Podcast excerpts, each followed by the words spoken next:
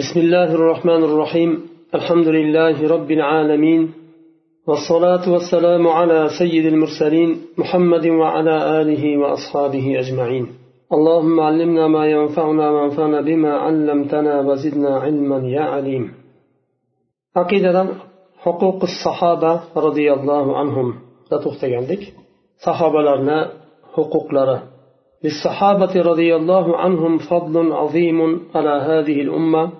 حيث قاموا بنصرة الله ورسوله والجهاد في سبيل الله بأموالهم وأنفسهم وحفظ دين الله بحفظ كتابه وسنة رسوله صلى الله عليه وسلم علما وعملا وتعليما حتى بلغوه الأمة نقيا طريا.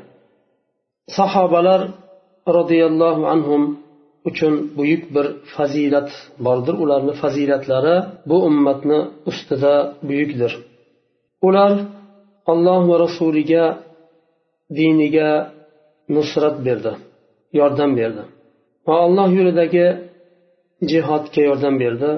Mollari bilan jonlari bilan va dinni muhofaza qilishlik bilan allohni kitobini va rasulini sunnatini muhofaza qilishlik bilan va ilm bilan amal bilan va shu o'rgangan dinni rasululloh sollallohu alayhi vasallamdan olgan ta'limni o'rgatishlik tarqatishlik ta'lim berishlik bilan allohni diniga yordam berdi. Ular ummatga bu dinni sof holatida va qanday olgan bo'lsa shunday nimaga ummatga yetkazishdi.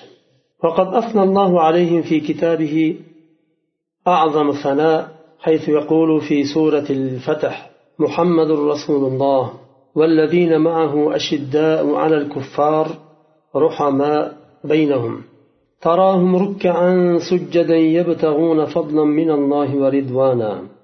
محمد صلى الله عليه وسلم allohning rasulidir u kishi bilan birga bo'lganlar ular kofirlarga qattiq kofirlarga qattiq qo'l o'zaro bir birlariga rahmlidirlar ularni ruku qilgan sajda qilgan hollarida ko'rasiz ruku qilgan sajda qilgan va allohni fazlidan umid qilgan roziligidan umid qilgan holda ko'rasiz deb alloh taolo ularni qur'onda maqtadi وحمى رسول الله صلى الله عليه وسلم وحمى كرامتهم حيث يقول صلى الله عليه وسلم لا تسبوا أصحابي فوالذي نفسي بيده لو أنفق أحدكم مثل أحد ذهبا ما بلغ مد أحدهم ولا نصيفه. متفق عليه.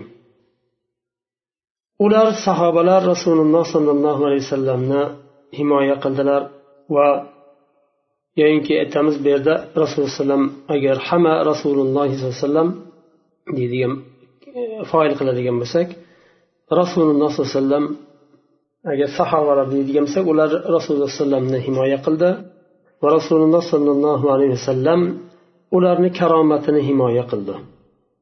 Hadisda aytdilar sollallohu alayhi vasallam la tasubbu ashabi.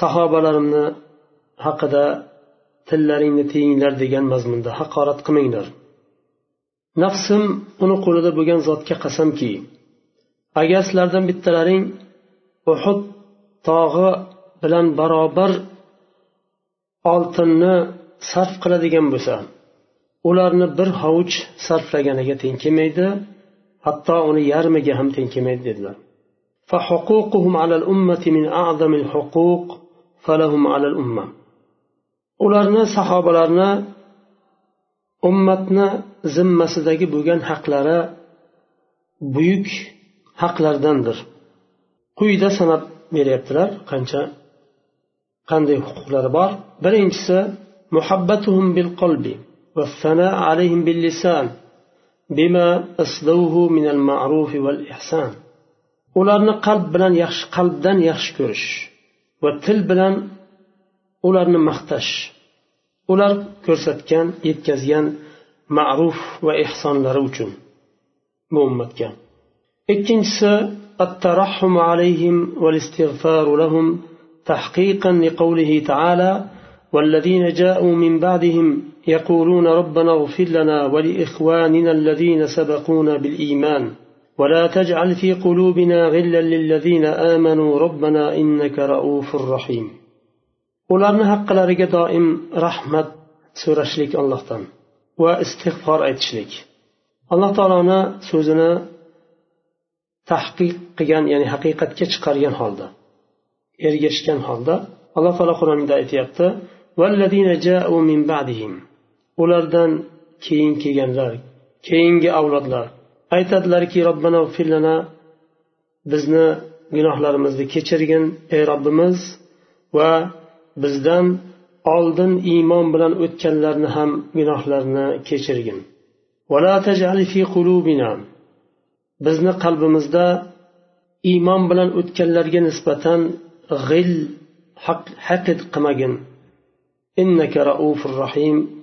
Sen rauf va rahim bo'lgan zot deb alloh taolo sahobalardan keyingi kelgan iymon bilan ularga ergashgan avlodni zikr qildi uchinchisi al kaffu an masawiihim allati in sadarat an ahadin minhum فهي قليلة بالنسبة لما لهم من المحاسن والفضائل وربما ربما تكون صادرة عن اجتهاد مغفور وعمل معذور لقوله صلى الله عليه وسلم لا تسب أصحابي uchinchi haqlari ularni xatolarini zikr qilishdan tiyilishlik.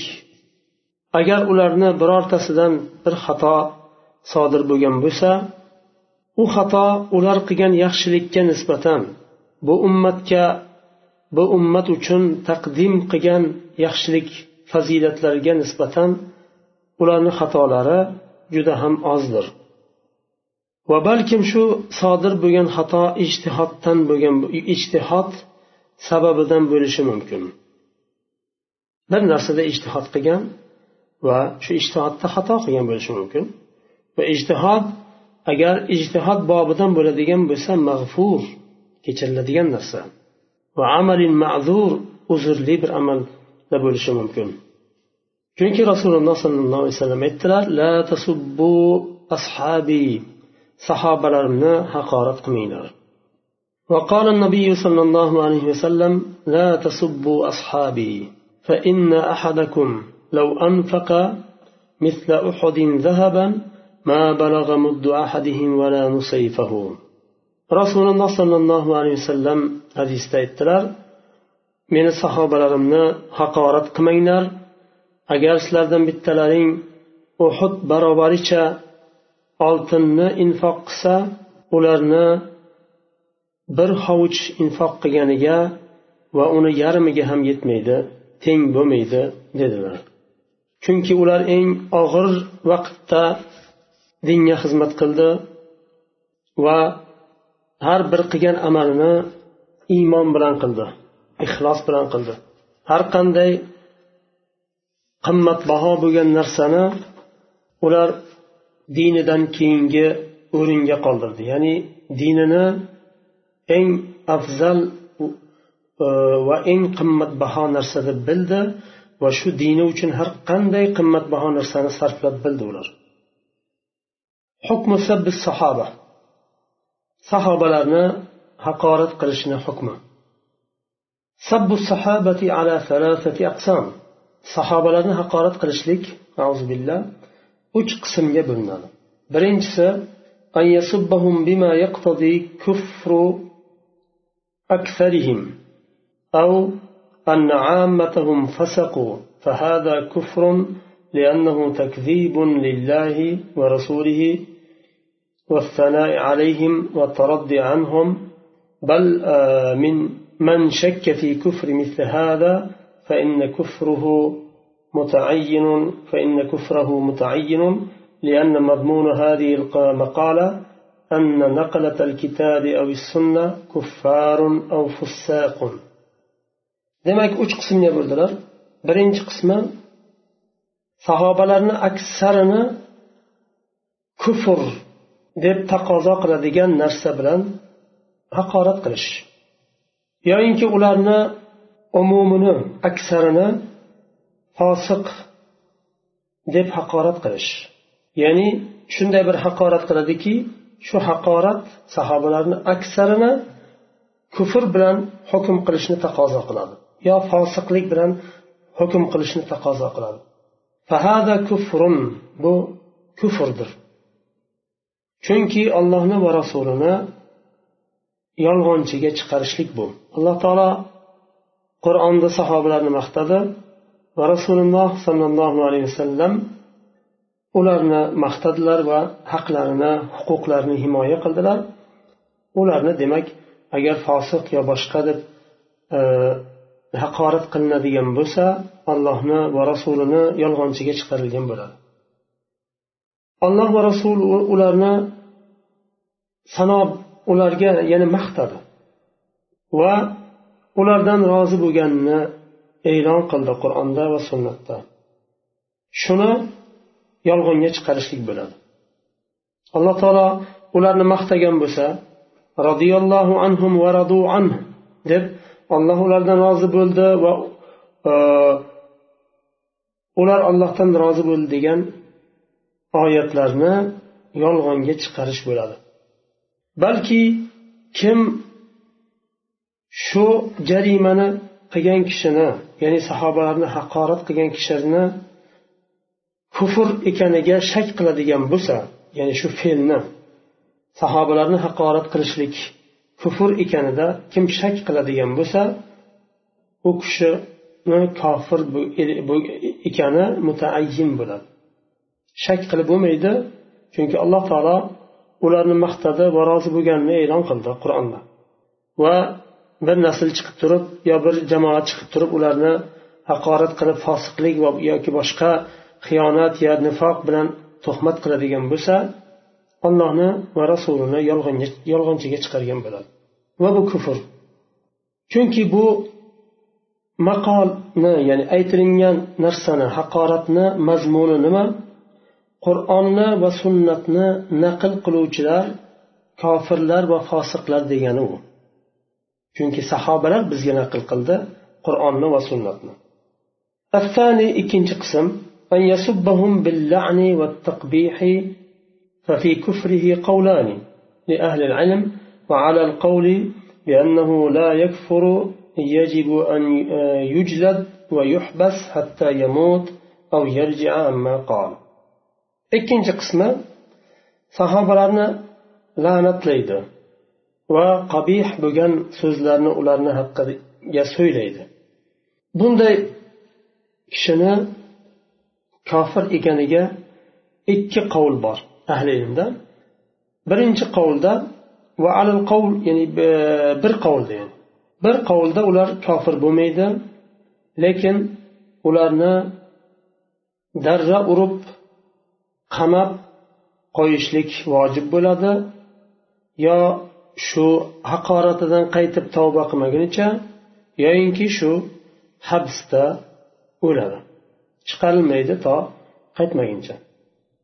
Uchinchisi بما لا يقدح في دينهم كالجبن والبخل فلا يكفر أو فلا يكفر ولكن يعذر بما يردعه عن ذلك ذكر ذكر معنى ذلك ذكر معنى ذلك شيخ الإسلام ابن تيمية في كتاب الصارم المصلول ونقل ونقل عن أحمد قوله لا يجوز لأحد أن يذكر شيئا من مساويهم ولا يلعنه ولا يطعن على أحد منهم بعيب أو نقص فمن فعل ذلك أدب فإن تاب وإلا جلد في الحبس حتى يموت أو يرجع.